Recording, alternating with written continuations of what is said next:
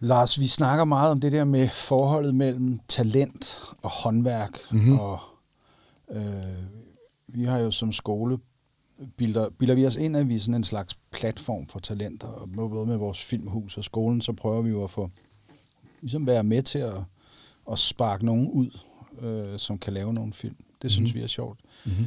Hvor, hvor, altså, hvor meget er det er håndværk, når vi taler det der med at skrive, og hvor meget er det er guddommelig indgriben og, og talent? Det hjælper at have talent. Helt bestemt. Øh, og, og ikke bare et eller andet talent, men du har talent for at skrive, du har talent for at skrive film. Det er en bestemt måde at se på verden på, opleve verden på, forstå verden på. Fordi det er en visuel forståelse af verden, øh, mennesket. Velkommen til Talefilm, videopodcast fra Filmhøjskolen.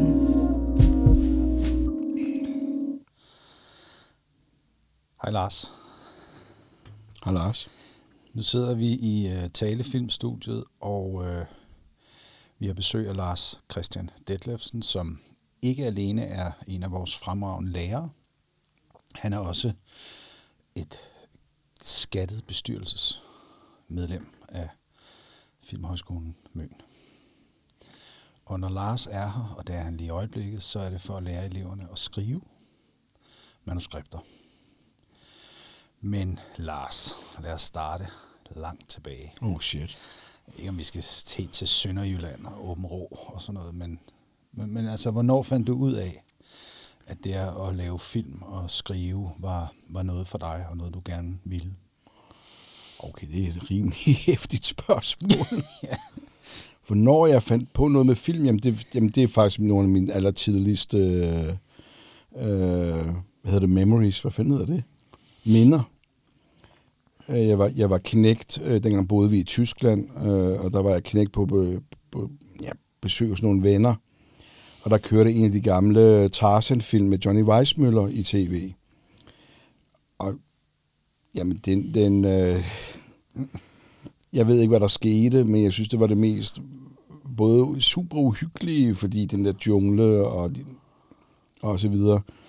Og så, det var effektivt, det var spændende, det var larger than life, det var eventyr, men det var, der var et eller andet dragende over det. Øh, selvom det var sort-hvid og jo en gammel film til på det tidspunkt. Og så, øh, ja, mine forældre er jo sådan nogle kunsttyper på alle mulige måder, både professionelt og, og ikke professionelt. Så vi har jo altid haft teater, øh, øh, kunst, øh, maleri, film, øh, øh, historier. Øh, det har vi haft altid. Øh, men det var...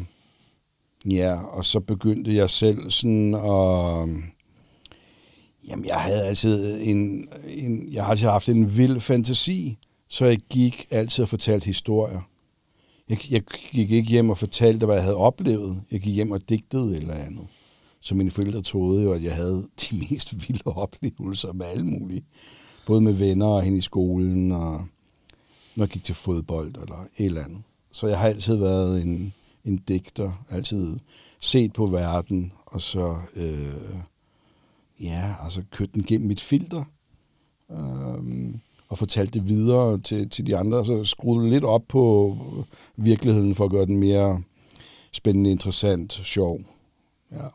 Øh, og så, øh, så spillede jeg jo teater i, i, i skolen, og også øh, ved siden af, og øh, prøvede at lave små film og alt muligt. Også i gymnasiet, det var jo noget af det nye dengang i 80'erne, at der var noget, jeg ved ikke om der var en medielinje, men der var i hvert fald et mediefag. Ja. Noget, hvor vi fik lov til at løbe rundt med nogle videokameraer og, og filme og klippe det sammen. Og, og så, det, ja, så, det, ja, så det startede i barndom, og så har det udviklet sig lige siden. Øh, og øh, jeg har, altså, jeg har jo aldrig jeg, jeg, jeg har aldrig sådan tænkt på, at jeg skulle noget normalt, eller hvad det hedder. Det, det var ikke noget, øh, jeg hverken uddannede mig til, eller tænkte på, eller troede, jeg skulle, fordi ja, altså det var, det var meget fjernt for mig. at, at det kunne jeg ikke forstå. Jeg, kan se, eller jeg forstår jo ikke verden. Jeg forstår ikke samfundet. Jeg forstår ikke mennesker. Det er meget fremmed for mig, at det fungerer. Det er ikke, det er ikke på grund af dig, det fungerer. Jeg ved det, jeg ved det faktisk ikke. Men jeg undrer mig jo hver dag, jeg kommer ud på gaden og ja. siger, jamen folk går på fortorvet, og bilerne kører, og folk går ind i butikker og sådan noget. Ja. Og det undrer mig, øh, at det bare fungerer. Hvordan, ja. Hvorfor fanden gør det det? Hvorfor gør de det der? Og så, øh, jamen så øh, har jeg altid været historiefortæller, øh, også med mine venner. Øh, for det første bare røverhistorier, men senere spillede vi jo sindssygt meget rollespil. Altså sindssygt meget i gymnasiet. Vi lavede jo ikke andet. Okay. Vi lavede ikke andet. Øh, og det, der, øver, der, der øver man jo sin fortælling, også sammen med andre mennesker, man får en reaktion med det samme. Der øver det du jo i at køre spænding og karakterer, situationer og konflikter og så videre. Øh, Er det ikke en lidt... Øh, altså, vi er nogenlunde jævnaldrende, tror jeg, ikke? Jo. Øh, jeg er alligevel et par år ældre, så jeg, til det der rollespil, det kom sådan i hvert fald lidt for sent til. Men også, øh, jeg tror også, jeg tror også, vi opfattede dem, der gjorde det som nogen. Sådan, det var sådan nørderne. Det, er det er lidt specielt, ikke? Jo, bestemt. Og især dengang var det jo endnu mere mærkeligt, fordi Ja. det slet ikke var, det var jo ikke mainstream på nogen som helst måde. Nej. Det var super nørd, øh, og, og helt uforståeligt for folk, og barnligt selvfølgelig. Hvad var det? Var det sådan noget Dungeons and Dragons rundt om et bord, eller var det ude i skoven med... Var det var The Full Jamie Nej, det, det fandtes ikke dengang. Nå, det Hele det der live fandtes ikke. Nej. Det er noget, der kom senere, når, når, det, når, når de lidt yngre skulle med, som stadigvæk legede, legede. Mm. Nej, vi var jo voksne, eller det ved jeg ikke, 18, 19, øh, 20 år, sad rundt om et bord og drømte os væk. Okay, Øh, ja, ja. Så det var bare rundt om et bord. Ja. Og der var ingen, ingen piger, altså overhovedet. Der var måske en, øh, som var lidt en drengepige, der var med, som synes det var sjovt. ja. Men, øh, men det er jo så kommet senere, at det er jo blevet meget bredere og, meget, og kan alt muligt forskelligt. Mm. Men øh, det var en drengeklub på alle mulige måder. Ja. Men du, øh, du har jo faktisk lavet dig uddanne på øh, den danske filmskole, er det ikke rigtigt? Øh, jo, det, det er øh, Jens Dahls øh, skyld. Ja. Øh, Jens Dahl er en manusforfatter, der har skrevet Pusher. Ja, som også har været her og undervist flere gange, og, Ja, ja. og som jeg jo også har talt med heroppe. Okay. Øh, ja. Ja, men øh, jeg kan ikke huske, hvordan det var. Vi, vi, vi var del af sådan hangaround. Lidt nogle langhårede, lidt nogle øh, motorcykeldrenge, lidt noget ind i, altså floss ind i København og sådan noget. Øh, og der mødte jeg Jens, og nogle år tidligere havde jeg mødt Yang, altså Niklas Winding Raffen, øh, som jo instruerede Pusher og så videre. Men mig og Yang løb rundt og lavede splatterfilm sammen. Nå, Øh, altså før alt, før det blev professionelt på nogen som helst måde. Øh, så jeg kendte Yang, jeg kendte øh, Jens, øh, og de begyndte jo så at skrive på Pusher, og der var jeg også til stede og så, hvad de gjorde. Og, så sagde Jens til mig, Lars, du skal søge på filmskolen. Det var slet ikke noget, der var... Det var ikke inden for mit... mit altså, det kunne jeg ikke tro, man kunne, fordi Nej. det var jo sådan noget fint, stort, mm. langt væk. mm. Øhm, men så, jamen, så skrev jeg en langt ude historie om noget ulovlig prize fight. ja. prize fighters i København. Det synes jeg var sjovt. Ja. Det synes de også var sjovt, fordi det var både noget Det var meget dramatisk, men det var også lidt noget satire og samfunds et eller andet Mm. med København og nogle prize fighters og ulovligt og sådan noget. Og så var jeg så heldig, at øh, Ålen sad i mit optagelseskomité, og han synes bare, at jeg var sjov og mærkelig. Okay. Så det, øh, jeg tror et eller andet sted, det er hans skyld, jeg kom ind. Han har kæmpet for dig i Ja, det, det der tror jeg, udvalg. et eller andet sted. Ja. Ja. ja. Jamen, øh, det er jo, cirklen bliver sluttet. Peter Aalbæk har jo også øh, været rigtig flink til at hjælpe os på skolen her, og Mm. har været, men du har mødt ham hernede også. Har Det er rigtigt, ja. Han Ja. kom brasende i en undervisningstime. Ja, det er rigtigt. Så hey, Peter, og vi jo, altså, Ja. vi går jo way back. Øh, Ja. ja. Ja. ja, vi har lavet sjove ting sammen, og jeg synes jo, han er, han er fantastisk på mange områder, og så er han alt for meget på nogle områder, men det er jo, det er jo prisen, eller det er jo, ja, Ja. det er jo sådan, han er. Ja. Der sker noget i hvert fald, kan man sige. Ikke? Jo. Ja.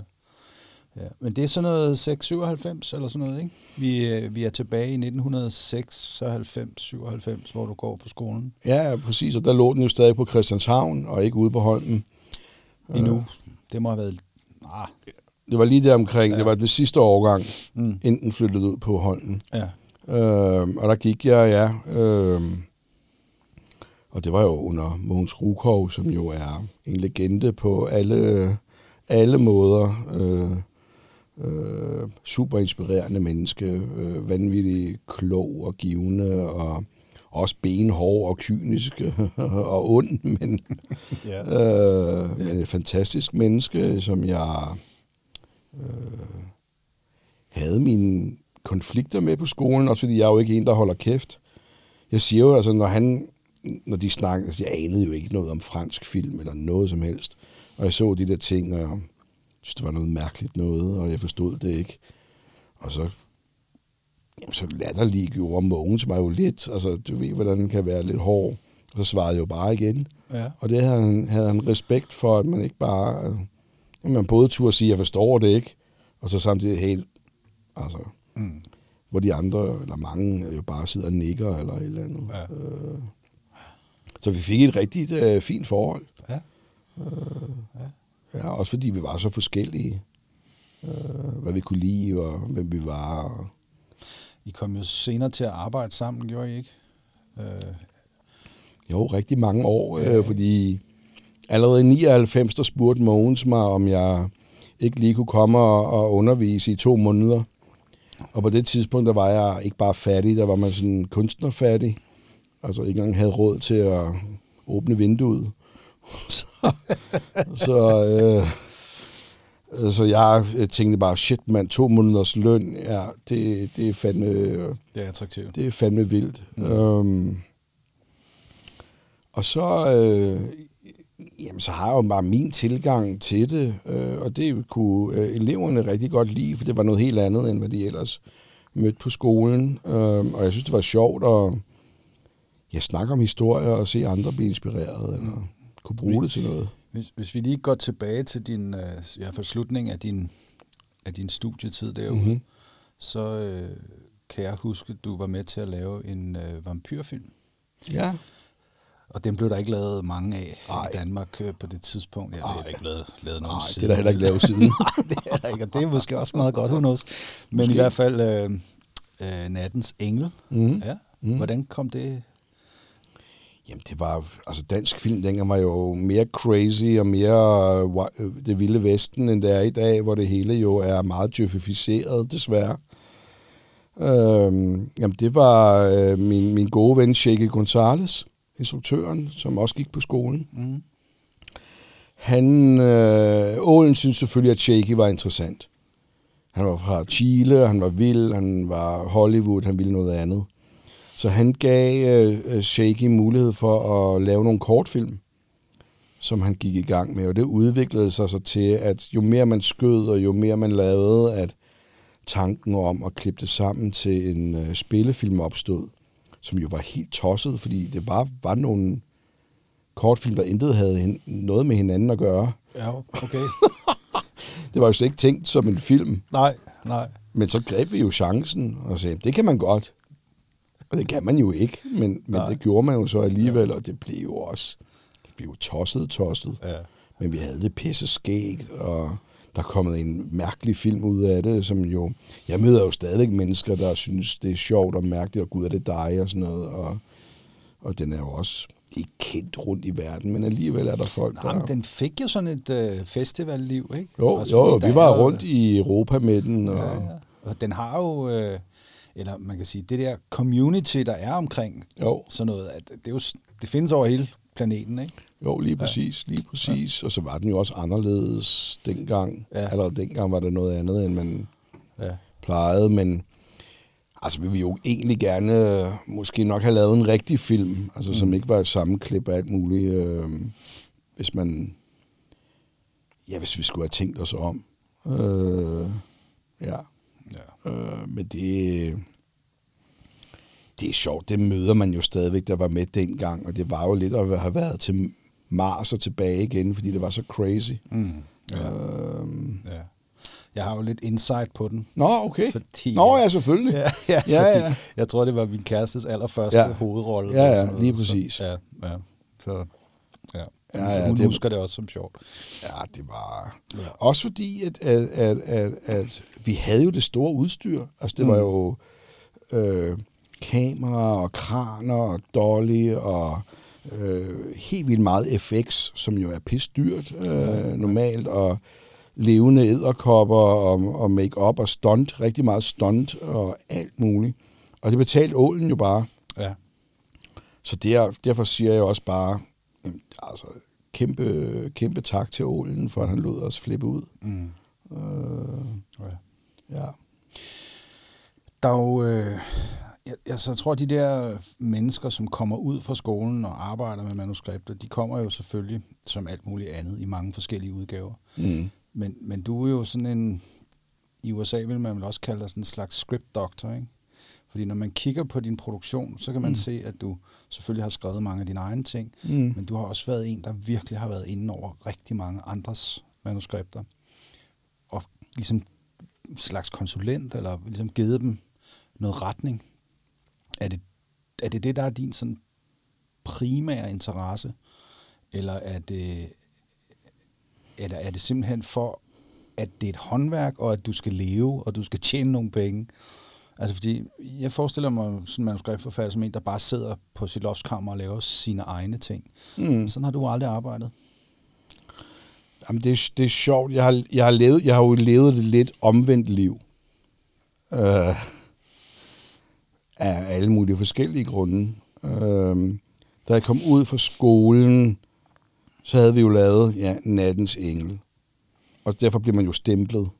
Øh, og kunne ikke bare f- få almindeligt arbejde. Så det var svært. Hvorfor? Ja, fordi der ikke bliver lavet genrefilm i Danmark. Okay, ja. Det, det, det er klart. Det, det er ikke... Hvis der havde været alle, alle mulige andre lande, ville det nok have været gået anderledes. Så du var lidt ude, fordi du havde lavet den? Er det det? Ja, ja, ja, bestemt. Det var ja, Shake jo også, og så videre. Mm. Det var jo... Mm. Man blev sat over i et hjørne, og når det er dem der, der gør det der. Øh, også fordi min interesse jo ikke er det almindelige socialrealistiske drama. Jeg synes jo, det er røvsygt. ja, så har det været nogle hårde Ja, nogle det er hårdt, når man er her. Øh, jeg synes, det er, jamen, altså, jeg elsker jo selv Bergman og fandme jeg Truffaut og sådan noget. Jeg elsker jo godt at se på det, men lave det, synes jeg, det, ja, det synes jeg sgu er, det ved jeg ikke, så kan de så godt kigge ud af vinduet. Men, øh, ja, så det var, ja, fordi der ikke rigtig var, der var jo ikke, der er jo ikke en genre, øh, hvad skal man sige, Tradition. tradition, industri. Men så fandt folk ud af, når jeg læste andre, skulle jeg godt sige noget, der på en eller anden måde gav det noget retning, eller noget skub, eller et eller andet. Mm. Ja, så det gjorde jeg meget. Og så blev jeg jo lærer bare to år efter, jeg kom ud af skolen. Hvor andre jo kommer ud af skolen, og så har et helt, øh, øh, en hel karriere, og så kommer de tilbage på skolen som nogle gamle, mm. og siger, hey, nu skal I høre. Så derfor øh, blev jeg jo først lærer, som noget folk egentlig gør senere.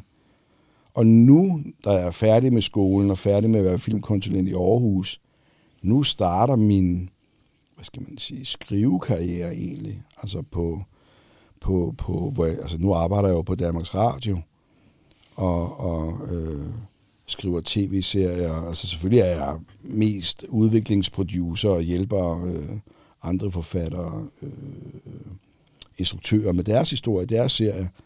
Men jeg sidder jo og skriver sammen med Oliver Sale, øh, skriver vi på øh, en serie og har planer om andre serier, og, og på en eller anden måde, ja, så er det nu, jeg bliver produktiv selv, på en eller anden mærkelig måde. Så det har været omvendt af, hvad det normalt er. Mm. Det ved jeg ikke hvorfor, men der, sådan er det lige nu.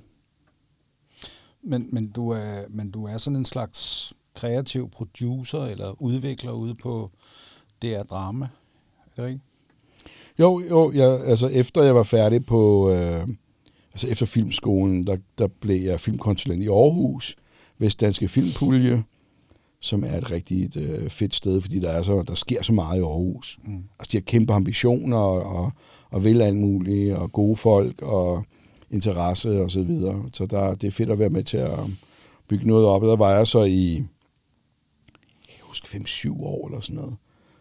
Og så var jeg jo færdig der, fordi man skal jo skifte konsulenterne ud. Man kan jo ikke have dem Nej. siddende for evigt. Øhm, og så tænkte jeg lidt, hvad fanden skal jeg så? og så øhm, havde jeg været ude på øh, drama som konsulent på en eller anden ting. Og så tænkte jeg bare, okay, jeg kan jo prøve at skrive til dem og høre, om der er noget lidt mere. Så kom jeg til en samtale med Christian Rang, som jo er dramachef og det var en rigtig god... Øh, øh, jamen, vi kender hinanden. Han, han, var, han var jo min elev på, på filmskolen. Det er også lidt mærkeligt pludselig at være til jobsamtale med sin gamle elev, men sådan er det jo. Hmm. Øh, ja, man møder dem både ja, op og ned. op og ned, og, ja, og så pludselig ja. er de over en og sådan noget. Og ja. det, men det er fint nok. Det, det er sådan er livet. Øh, og så så snakkede de noget om nogle børn og unge og, og så videre. Og det sagde det, det, det ville jeg da godt kigge på. Det lød sjovt. Og så pludselig var det en fuldtidsstilling, så jeg var okay, nå fedt nok, lad os gøre det. Og så har jeg været der i, i et år, og så tilbød de mig en fast øh, ansættelse øh, på drama. Og nu har jeg jo både, er jo både ind over børn og unge, men også er med på øh, voksen tingene, læser med og, og snakker med selvfølgelig med Rank og de andre producer om, øh, hvad, hvad er det, vi skal lave, hvad er profilen, hvad er visionen, også fordi man jo lægger øh, 4-5 års planer, fordi det tager så lang tid at udvikle en, en stor tv-serie, så man skal jo vide, hvad skal vi sende i? Nu snakker vi jo om både 24, 25 øh, og så videre. Mm. Det er jo nogle... Mm. Ja, så der er meget, man skal læse, mange møder og, og sige, jamen hvad fanden, hvad, hvad tror vi på? Hvad skal der laves? Så det er min ene del af mit job. Og det andet er så, at jeg jo også selv har idéer, og, og pitcher for rang. Altså for eksempel den serie, jeg lavede med Oliver Sale, øh, Hvor ligger lykken? Han kom jo bare, fordi der var alt det der corona-helvede sidste år, hvor alt jo gik i stå.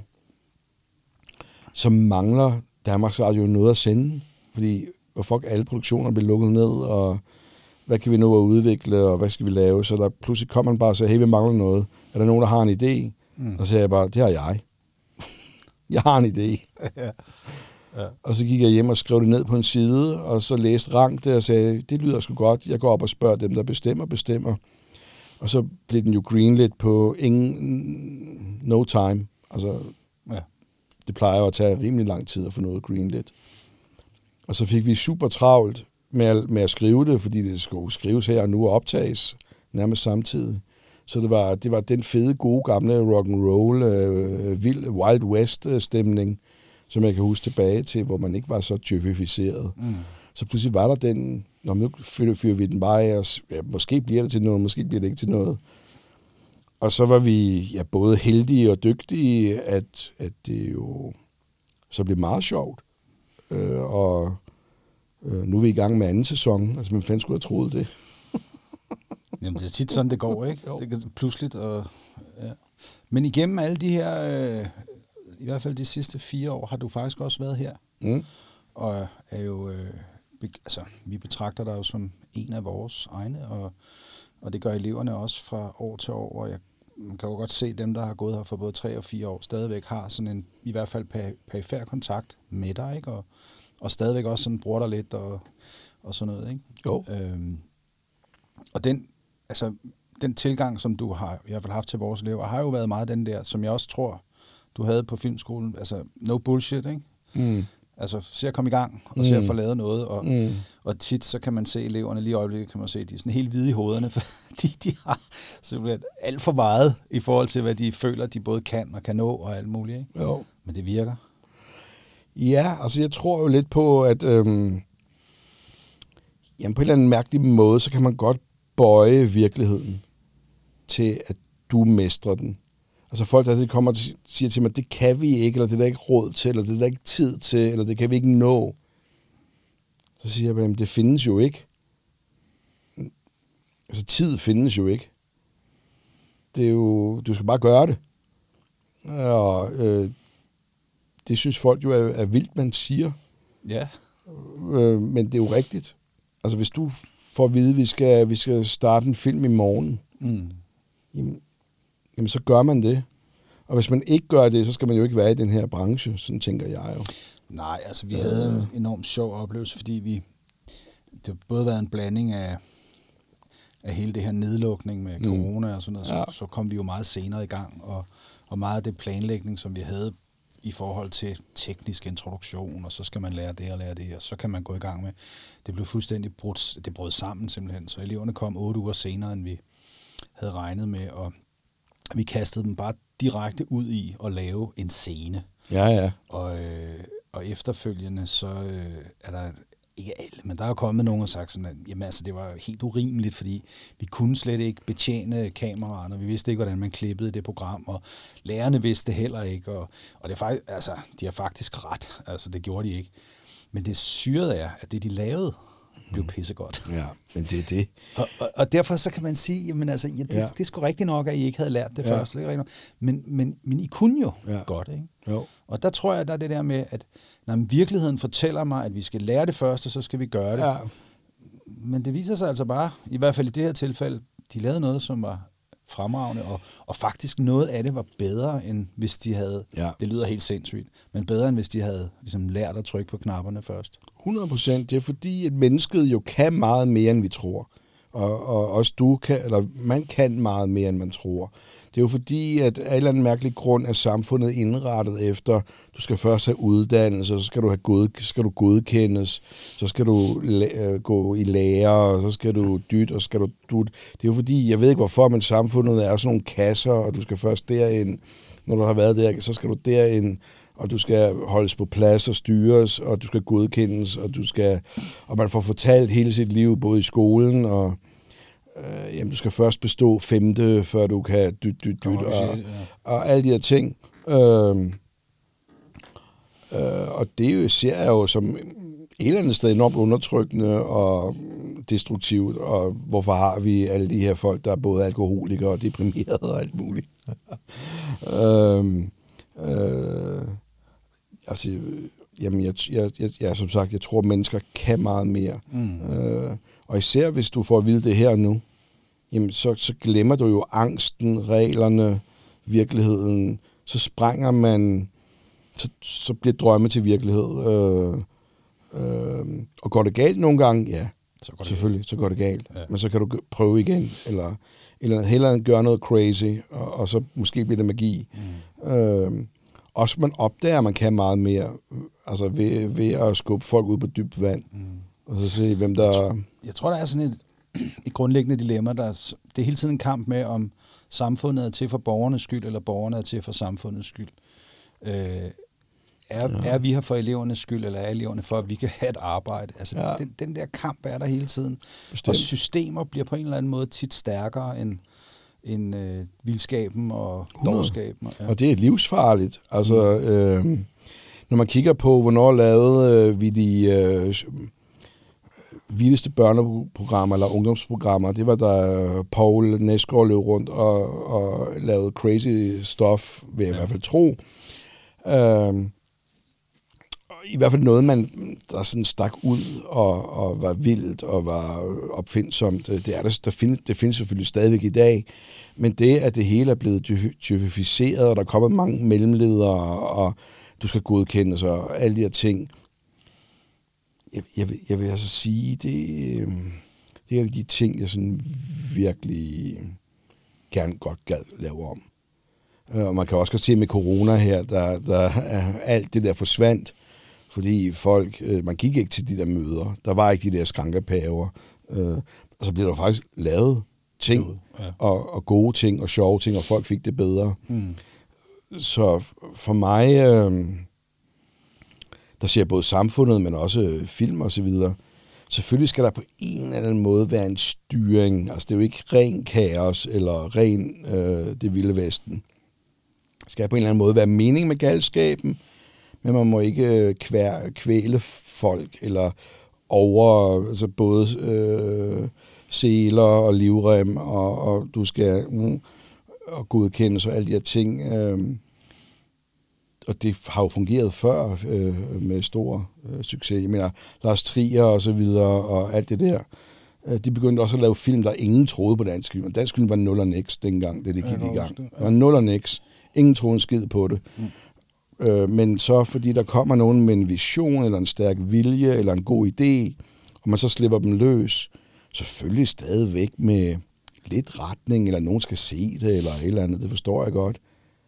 Men i dag er alt jo så sindssygt øh, kontrolleret ned i små kasser, mellemledere og alt muligt. Øh, du skal tjekke alle mulige bokse og regne ud, og jeg ved ikke hvad. Og, og, og det, det synes jeg er farligt. Det synes jeg er farligt og destruktivt og forkert. Øh, både i samfundet, men også i... Betyder det, at dem, som i sidste ende får lov at lave filmene, er dem, der er gode til at forstå systemet, frem for Mm. dem, der er gode til at, at lave filmene? Jamen, det kan man jo være bange for i hvert fald. Ja. At, at, at øh, ja, nogen, der er gode til at, at sige de rigtige ting til Og dem, der bestemmer. boksen. Ja.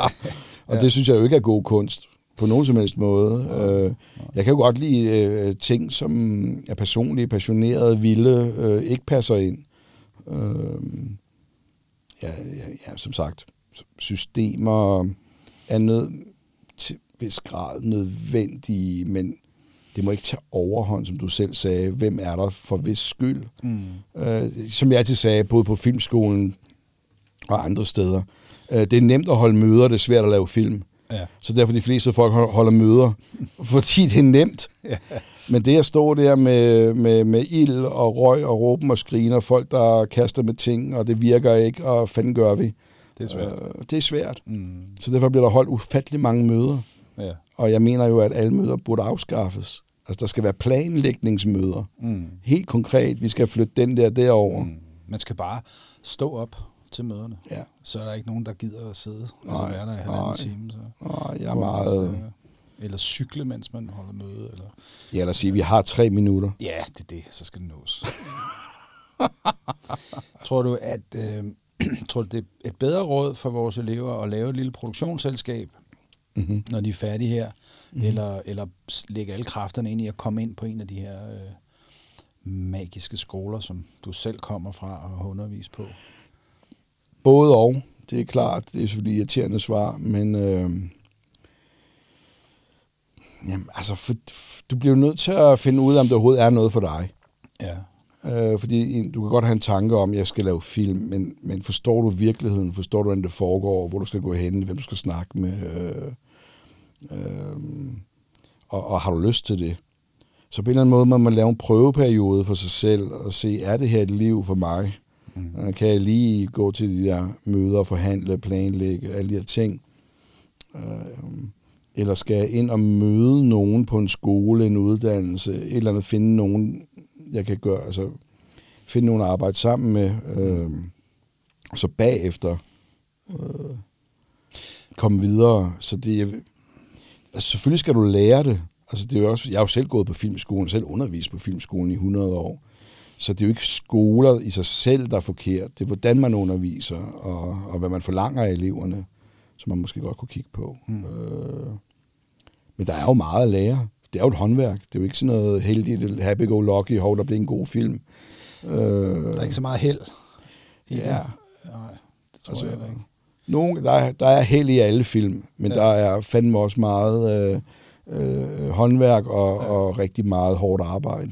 Ja. Øh, Det er svært at skabe held oven på noget, der er improviseret. Ikke? Det er Jo. lidt nemmere at skabe held i et rum, der er sådan rimelig struktureret, hvor man har en plan og ved... ja, du har en god plan, så kommer heldet. Hvis du ikke har nogen plan, så skal du fandme være heldig. ja. det er jo også noget med, jeg tror, at øh, og det her er sagt med al respekt for, for vores elever, men, men det er jo også et, et felt, hvor man møder meget afvisning. Super mange afslag, ja. Afslag, afvisning, øh, det er ikke fedt nok, eller, eller slet ikke få noget svar, eller det, det kan være alt muligt. Altså, øh, og mange af vores elever har jo ikke fået ret meget afvisning, når de kommer her, fordi altså, ja, ja, de er jo også kun 19, 20, 21, 22 år, ikke? Mm. Og, og har synes, måske har deres forældre synes, at alle deres tegninger var gode. Bestemt. Ikke? Så, så det er jo også noget med, at man ligesom får lært det der med, at man kommer til at møde nogle mennesker, som ikke er særlig flinke, eller har en anden dagsorden, eller man får bare nogle gange et nej, og, og det er ikke engang nødvendigvis, fordi det, man kommer med, er dårligt. Det er bare ikke det rigtige her, eller... Nej, det, det, det er klart, man får øh, 99 afslag og et ja. Men man skal jo bare komme igen øh, og vise, at man vil og kan, og forstå, at det der ikke virkede, eller hvorfor man fik afslag, eller at det ikke bare ikke lige passede ind lige nu, eller øh, et eller andet. Og det oplever jeg jo også, med, når jeg underviser her. At jeg kommer jo ind og siger, nej, det er ikke godt nok, eller nej, det fungerer ikke, eller det her, det forstår jeg ikke. Og så skal de lave det om. Hvordan reagerer de på det? Jamen, de bliver jo overrasket over, at nogen siger til dem, at det ikke er godt, at det ikke fungerer, eller, ja, ja. eller gud, men, men jeg forklarer det, jeg, jeg er jo ikke bare, det duer ikke, og så går jeg. Jeg siger, måske, jeg forstår ikke det her, eller det her det er ikke stærkt nok, eller der er for meget medløb, eller uh, det er kedeligt, eller alt det her backstory, historien starter i virkeligheden på side 3, eller et eller andet. Mm. Uh, så, så jeg giver dem konkrete uh, noter. Det er ikke bare, det dur ikke. Det, er, det dur ikke, fordi sådan og sådan, og jeg synes, I kunne prøve sådan og sådan. Øh, om det så er rigtigt eller ej, er jo ligegyldigt. Bare det, der nogen kommer og siger, at det der skal laves om, og mit forslag er det her, prøv det, og hvis det ikke virker, så kør videre selv og se, hvad der får det til at virke. Øh, men det er, jo, altså, det er jo at skrive om og skrive om og skrive om. Det er jo det, der er hårdt. Du bliver nødt til at skrive 100, øh, historien 100 gange, mm. før den virker. Og det er jo der, det, altså det vil jeg sige, det er der, man opdager, om man dur til det her eller ej. Ja. Kan man få noter og gå hjem og skrive lortet om? Øh, øh, det, det er selvfølgelig øh, smertefuldt og irriterende, og man bliver også sur på sig selv over, at det ikke er øh, mm. godt nok, øh, at, at man sidder der og bliver ydmyget. Ja. Men, øh, men det duer ikke at være alt for forfængelig, hvis man... Øh Nej, du skal, du skal både kunne, kunne, du skal kunne tåle nogle slag, og, og så skal du kunne arbejde videre og komme igen. Øh, samtidig skal du jo også forsvare dine ting. Det er jo ikke bare noget med at være nikkedukke og give op. Så det er en helt sådan pingpong mellem at forsvare og kæmpe for det, man, man vil og tror på, og samtidig lytte, gå på kompromis, eller hvad det vil jeg ikke kalde det, eller lytte til gode idéer og noter at tage det og sige, gud ja, det kunne jeg ikke selv se. Men, øh, mm. øh, og derfor synes jeg jo også, at de, dem, der er filmkonsulenter eller producer eller et eller andet, en gang om året skal skrive en historie selv, selv og gå op og få noter, så man føler og forstår, hvad det er. Øh, ja. Øh, fordi det er, når du læser noget og giver noter, det er jo ikke, går ikke rundt på dig. Nej, nej, tværtimod. Det er men, jo men, bare komme med sine fede idéer. Ja, ja, hey, hey, hey. men når du har skrevet noget, det behøver bare være en side, og gå op til et eller andet professionelt, og så siger blub, blub, blub, blub, så føler du det der med total oversug i maven og sved og angst, og ja, ja, ja. forstår, hvor fucking hårdt det er at få at vide, at det er noget lort. Mm. Uh, Man kunne godt nogle gange have lyst til at sende sådan en caster til casting, ikke? jo, præcis. mm. Og det opdager jeg jo igen og igen, at, at, at producer eller konsulenter og det der, ikke forstår, hvordan forfatter har det. Har det. Mm. Ja. Hvordan de tænker, hvordan de oplever det, mm. øh, hvordan de oplever processen, øh, hvor hårdt det er for dem psykisk. Øh, ja, som sagt. Så derfor vil det være en... For eksempel, da jeg underviste på filmskolen, så havde jeg jo først selvfølgelig kun manuseleverne, og også øh, instruktørerne, fordi de jo også var skrivende. Men så øh, udvidede vi det jo til, at det var alle linjer. Øh, at de også fik et indblik i, hvad de andre, hvad de andre slås med, og hvor hårdt det er, og, mm. og have en helt hvid, hvid øh, side, og skulle finde på noget, og så få kritik på det. Mm. Øh, så både øh, producer, klipper, lyd, foto øh, og så videre øh, prøvede det, oplevede det.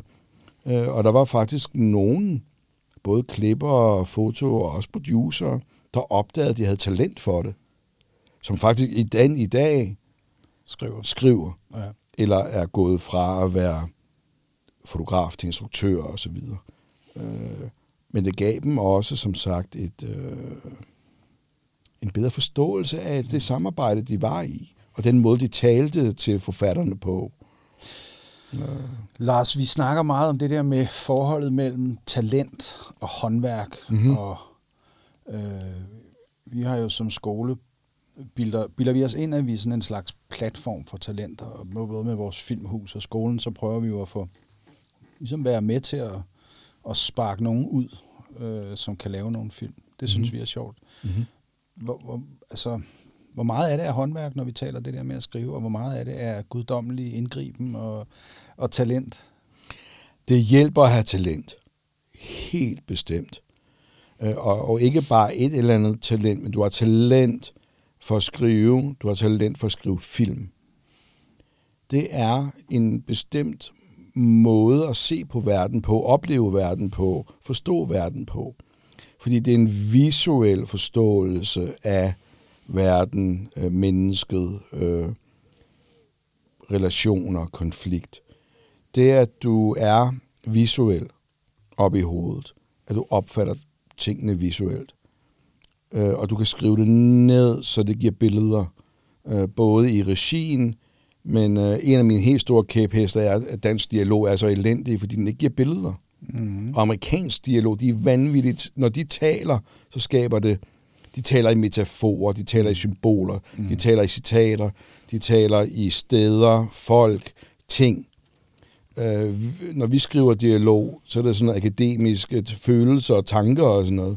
Og det er bare op til hovedet, Der er også meget dialog, der er skrevet for at drive handlingen frem. altså, selvfølgelig. Øh, og jeg ved ikke, men for eksempel med et af de store dogmer i Sopranos, det var, at alle skal sige det modsatte af, hvad de mener. Nå, sjovt. Ja, fordi der er alle lyver ja. I denne her serie. Ikke? Ja, alle, alle siger lyver. det modsatte af. Ja. Hvis de siger, de vil have det ene, så er det det andet, de vil have. Sådan noget. Ja. Og det var sådan et, et meget fint dogme, som gjorde, at det, det flyder jo enormt godt. Altså, og, Bestemt, bestemt. Og, og, hvad hedder det? Og meget skrivning inden for film er jo at skrive replikker, ikke?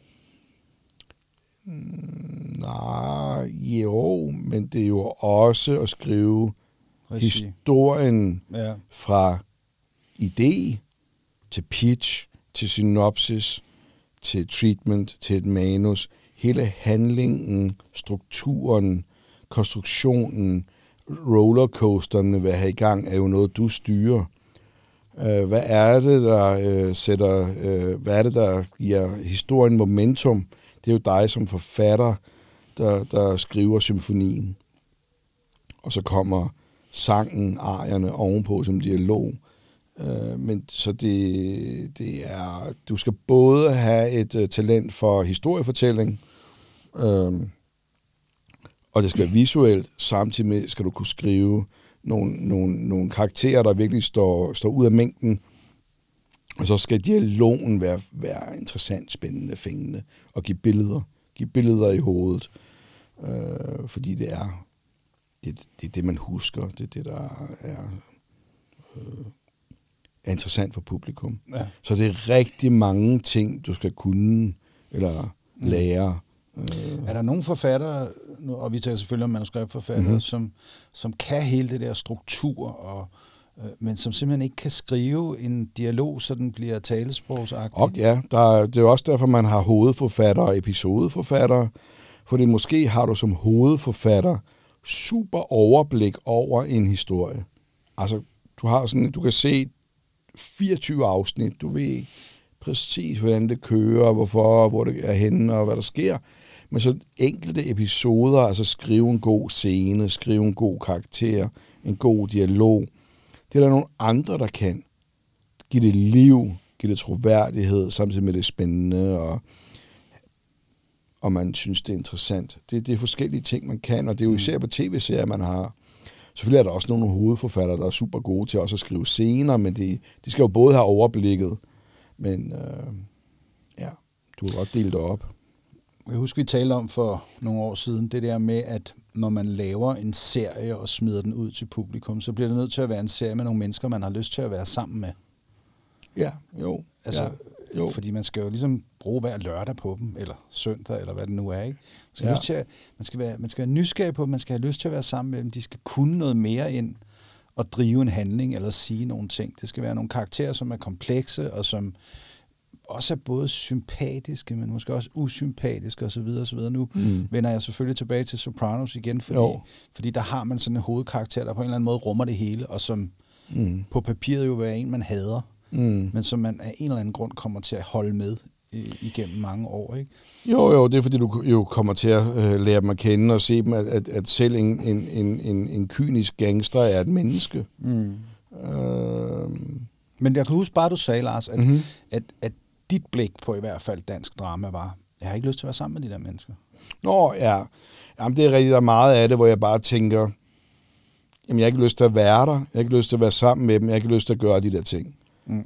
Uh, altså, det er selvfølgelig meget firkantet Det ved jeg fordi godt. Det ved jeg Der godt. er selvfølgelig også ting, der er skide gode. Øh, det er slet ikke. Men, men meget af det var jamen for, for surt, for kedeligt, for gråt. Øh, det inviterede mig ikke indenfor. Mm. Øh, hvorfor skulle jeg bruge tid på dem, eller det sted, eller hvor det var, eller jeg, jeg, blev, jeg havde ikke lyst til at rejse derhen, eller snakke med dem. Har jeg lyst til at drikke en øl med ham der? Har jeg nok ikke. Nej. Øh, Nej. det, og det... øh, Jamen af en eller anden grund tror man, at... Eller nogen tror, at jo mere gråt, eller hårdt, eller mørkt det er, jo mere interessant er det, eller sådan noget. Men Mm. Det... Men det er jo syret, fordi det er jo også, det er jo også noget med kompleksiteten i skuespilleren. Ikke? Mm. Fordi, jeg ved, ikke, jeg ved ikke, om du har det sådan, men jeg vil altid gerne drikke en øl med Ole Testrup. Ikke? Helt Jeg sikkert. vil altid gerne drikke en øl med Kim Botnia. Jeg er Helt- ikke sikker på, at jeg vil synes, det var en specielt hyggelig oplevelse, men jeg vil gerne være med. Helt Så bestemt. nogle mennesker har ligesom en, en aura og en kompleksitet, som gør, at de filmer godt, og at de tager kameraet og sådan noget. Og jeg synes også, vi har set Mm. mange danske ting, hvor man har sådan, de bliver flade. Ja, men jamen, som sagt, det er fordi, at de er for ens. Uh, alle karaktererne uh, har på en eller anden måde den samme smag, stemning, uh, og historien har samme smag, stemning som dem. Uh, og det gør man ikke, det er ikke interessant, eller det er ikke, uh, det, ja, som sagt, det er gråt det hele, og hvis mm. det hele er gråt, Mm. det, det er svært. Altså, vi, øh, jeg, jeg prøver, øh, nu når vi holder øh, historiemøder og sådan noget, så prøver jeg at læse og kigge på det og spørge forfatteren og sådan noget. Okay, hvordan, øh, hvordan har karakteren med, det med sig selv? Nå, men han, han hader sig selv. Okay. Hvordan har han det med dem, han er sammen med? Nå, men han hader alle dem, han er sammen med. Okay. Nå, men hvordan har han det med, hvor han bor eller er? Jamen, han hader at være der. Okay, hvordan har han det, eller hun, det med det, han hun gør? Jamen, han, han, han, hun hader det. Mm. Og hvis alle karakterer hader sig selv, hader andre, hader det sted, hvor de er, og hader det, de laver, Så kommer vi også til at have det. jamen så er alle karakterer også ens. Ja. Så er alle ens, har alle samme historie, eller samme energi, eller alle scener bliver ens. Mm. Så øh, man prøver at change det op. Mm. At sige, jamen er der en, der bare er glad for sig selv, men hader sin kone? Mm. Han øh, øh, elsker, hvor han øh, bor, øh, men han hader det, han laver, altså postbud. Mm. Fordi så har du en anden karakter, som er kompleks, og der er noget, han kan lide, og noget, han ikke kan lide.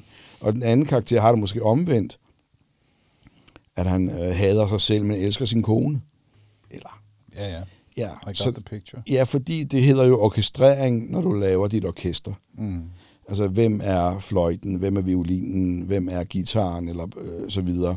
Øh, det er orkestrering, når du har dit karakter, øh, hvad hedder det, alle dine karakterer.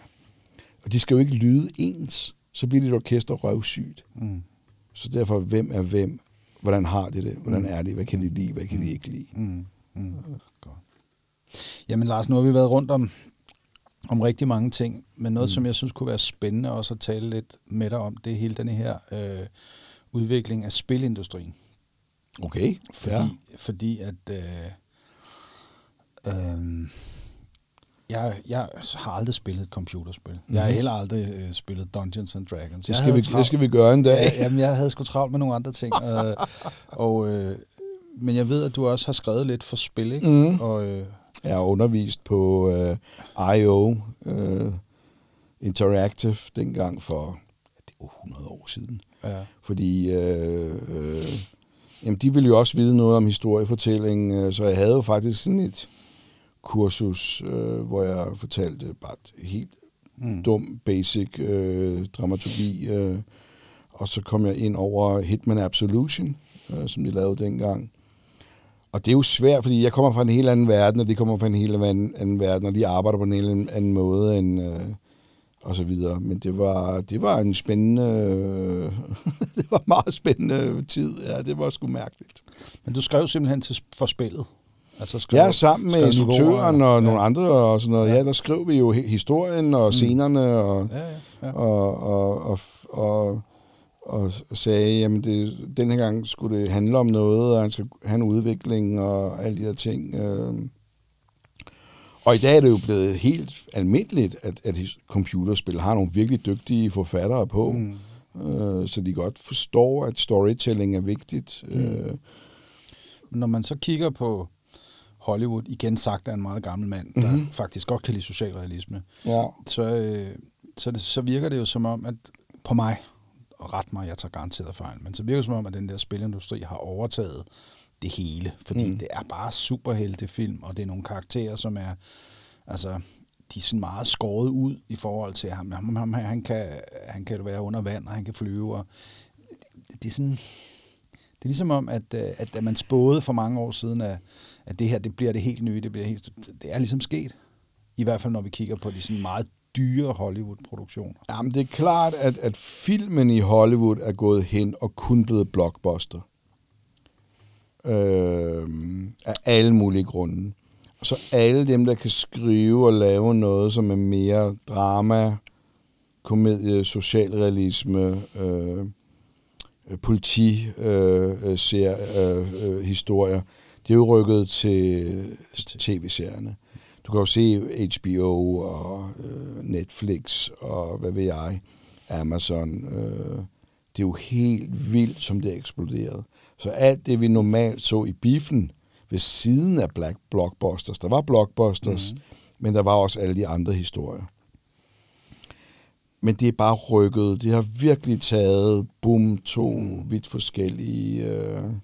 Men jeg synes også, hvis man går ind på HBO, så synes jeg også, at man kigger op i den der top-blok, der er rigtig meget også der, der er blevet inficeret af Marvel og DC, og det er ligesom om, det er også ja. på vej ind og, at tage fat derover, ikke?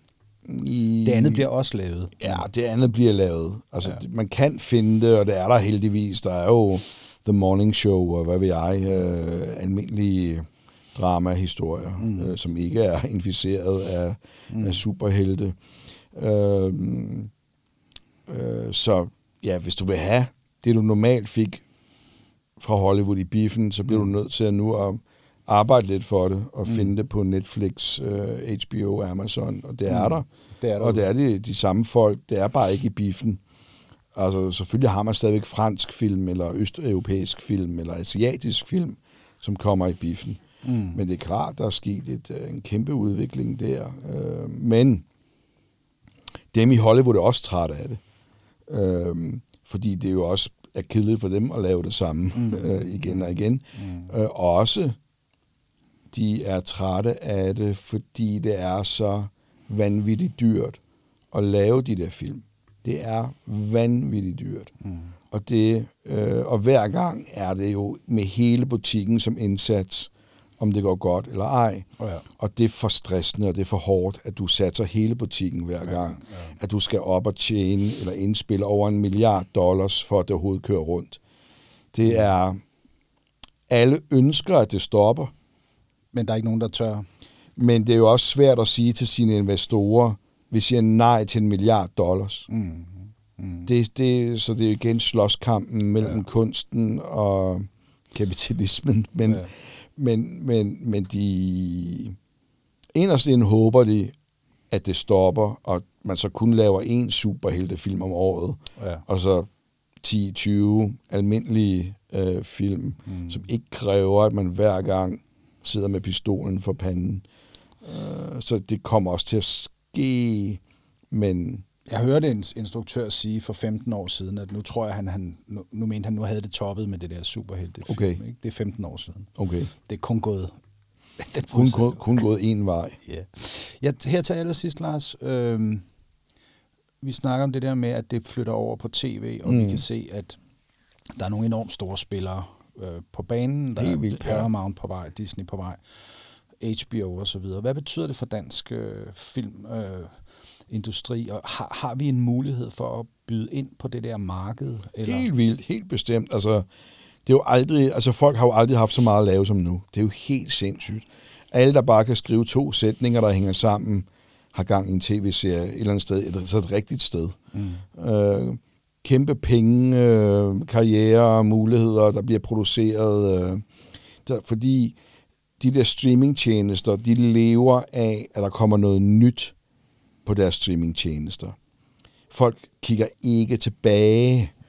Øh, de tjekker, hvad det nye. Mm. Så derfor skal der bare være en ny serie øh, hele tiden. Ja, det, det er dyr, der skal fodres hele tiden. Det er bare dyr, der skal fodres. De går ikke tilbage. Det er meget, eller få går tilbage og ser et eller andet, så skal det i hvert fald være mega hits, som Friends eller sådan noget. Ja, ja. Men hvis du ikke viser, at du hele tiden har den nye serie, med de nye folk, med den nye fede idé, så forsvinder abonnenterne. Mm. Jeg har i, i dag har jeg prøvet at se, om jeg kunne provokere lidt øh, med en artikel omkring det her med, at Danmark jo, lige i øjeblikket er der politikere, der taler om, hvordan får vi beskattet øh, de her store spillere, sådan mm-hmm. så mhm. at vi i hvert fald får en lille smule af vores penge tilbage. Vi bruger millioner på at uddanne folk, og så tager de til ja. Polen og Tyskland og indspiller film, ja. og vi ser ikke en krone. Øh, vi, vi, vi, vi har lavet hele infrastrukturen, men ja. tror du, der er en mulighed for, at vi som nation kan få lov at byde ind eller er det, er det en god vej bare at sige, lad os håbe, vi kan beskatte de der røvhuller, der kommer udefra? Vi kan ikke beskatte dem, fordi det, så... Skrider de bare? Ja, eller det er så stort, at altså, vi jo, de, de, de, de kan ikke engang få øje på os. De aner ikke, vi er. What? Det, det er jo... Hvad kan vi så gøre? Ja, det er sgu godt spørgsmål. Er det fordi, du vil have nogle penge ud af det, eller tænker du kunstnerisk? Nej, jeg, altså, jeg foreslår jo, at i stedet for at sidde på hænderne, så foreslår jeg, at vi laver et produktionsmiljø her, så man kan lægge produktionerne her. Altså, øh, man gjorde det jo i Irland, øh, ja, ja. da, da, da tech-industrien kom. Ja. Der sagde man, jamen altså, et eller andet sted skal det ligge, lad det ligge her, ikke? Jo, det er klart. Det, det er da interessant at bygge nogle studier, eller være nogle, have nogle, ja, på en eller anden måde invitere ind øh, til, at de lægger deres produktioner her. Hvilket de jo også gør. Jeg mener, vi har jo fandme gang i HBO, vi har gang i Viaplay, vi har gang i Amazon. Øh, Netflix. Øh, der er jo fandme gang i, altså alle, alle skriver, instruerer, øh, drøner derude, og der kommer flere og flere danske serier, mm. som ikke er på TV2 eller Danmarks Radio. Ja. Øh, det eneste, eller jeg vil sige, det der jo selvfølgelig er super vigtigt, det er, at vi holder fast i TV2 og Danmarks Radio. Fordi hvad der bliver lavet på Netflix, HBO og blam blam bum, det er jo én ting, og det skal sælge nogle billetter, men især på Danmarks Radio skal vi jo ikke øh, sælge nogle billetter på den måde. Selvfølgelig skal vi have nogle seere og sådan noget. Men der er jo ikke noget med at tjene penge på det. Øh, og vi skal fortælle nogle historier til danskerne om Danmark i dag. Så jeg vil sige, det er det, vi skal værne om. Så der ikke er nogen, der kommer og siger, at det hele er jo på Netflix, så behøver vi ikke at betale licens eller et eller andet. Men er det en kamp, der kan vindes? Bestemt. Vi skal jo bare, øh, også fordi danskerne jo faktisk synes, at Danmarks Radio er vigtig.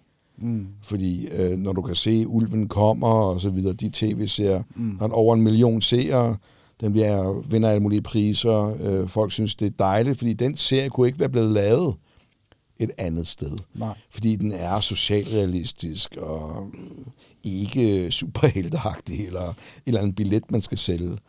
Øh, så hele den kamp er vigtig, at vi bliver ved med, også over for politikerne, og sige, at det er vigtigt, at vi har en tv-station, som er øh, mm. dansk, fortæller danske historier, og som ikke skal gøre nogle folk glade i Hollywood, eller øh, nogle pengefolk i London. Fordi det andet der, det kan man ikke styre. HBO, Netflix, alt det der, det kan man ikke styre. Mm. Det tror jeg ikke på. Mm. Men vi kan sørge for, at vi beholder det, der slås for det, der er vigtigt. Okay. Jamen Lars, øh, tusind tak. Det har været en udel fornøjelse, som altid og, og I, øh, I beholder dig jo her, uanset hvad Danmarks Radio vil have dig til at gøre. Så. Bestemt. Det er godt. Tak. tak, tak for det. Skål. Skål.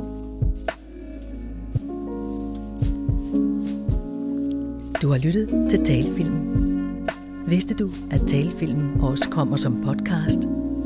Find os på iTunes og Spotify.